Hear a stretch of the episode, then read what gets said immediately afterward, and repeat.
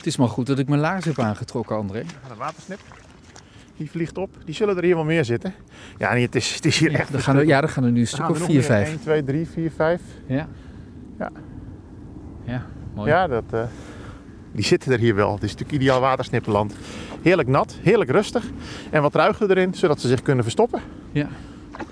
Als ik hier zo naar, naar dat, dat water kijk, wat zo op het land ligt, dan heb ik de neiging om het te hebben over de olieprijs. Ja, het ziet er heel vies uit. Hè? Het lijkt wel of er een laagje olie op het water ligt. Maar dat is in dit geval niet omdat het eh, vervuiling is. Maar dat zijn eh, bacteriën die zo'n vliesje eh, ja, produceren.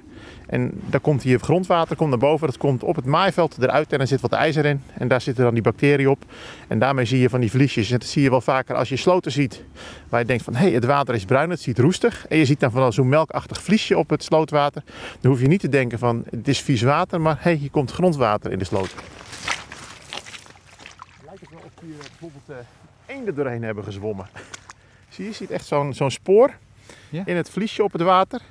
En ook is het, uh, het is heel ondiep, dus de ondergrond is wat kapot getrappeld. Dus je ziet het water hier vervolgens ook door die, eigenlijk door die heen lopen. Dus je ziet dat het water uh, van hoog naar beneden loopt. Maar het is echt heel veel water, helemaal bruin, helemaal vol vliesjes. Zonnetje erbij.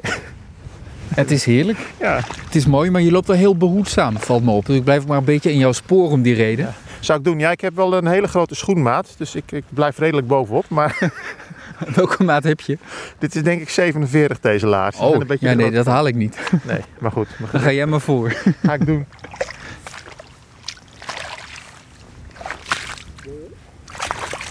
Ze bloeien nog niet.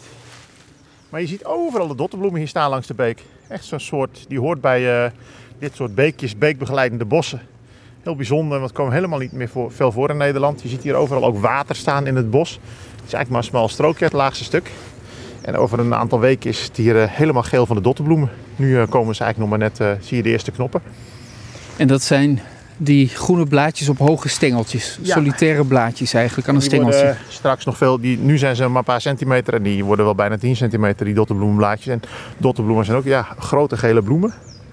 Je ziet ze daar al eh, waar ze iets eh, hoger staan. Kijk, Daarachter lijkt het wel of er alleen staat te bloeien. Kunnen we erbij komen? Ja, ja, ga het proberen.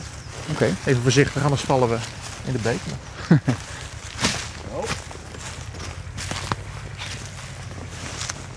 Daar staan ze Ja, inderdaad, eh, De allereerste die in bloei staat. Ja, hij staat er mooi bij. Prachtig plekje. eh, half in de schaduw. Beek aan je voeten. Je ziet erachter gaat het wat omhoog. Dan zie je op, het, op de grond tussen de bomen zie je, ook weer water. Dus daar komt weer grondwater komt daar naar boven. Dus geen regenwater wat blijft staan. Maar gewoon grondwater. Dus hier stroomt ook een groot deel van het jaar komt er water vanaf de zijkant de beek in.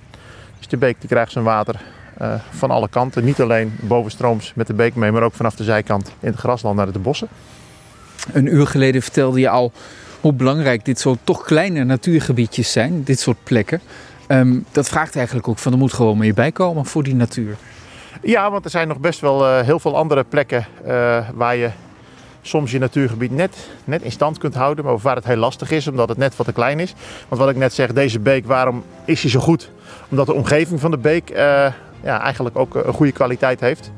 En dat geldt ook voor kleine natuurgebiedjes. Op het moment dat je heel veel eh, verdroging hebt, omdat er bijvoorbeeld een, woonwijk naast ligt, omdat er eh, diep ontwaterende sloten liggen om het grasland eh, goed droog te trekken, ja, dan heeft dat effect op je natuurgebied. En hoe kleiner je natuurgebied, hoe meer randen. En hoe meer randen, hoe meer randeffecten. En die randeffecten zijn helaas bijna altijd negatief.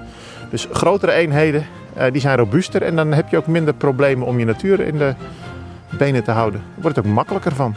Heb je ook minder, eh, hoef je ook minder daarbuiten te doen.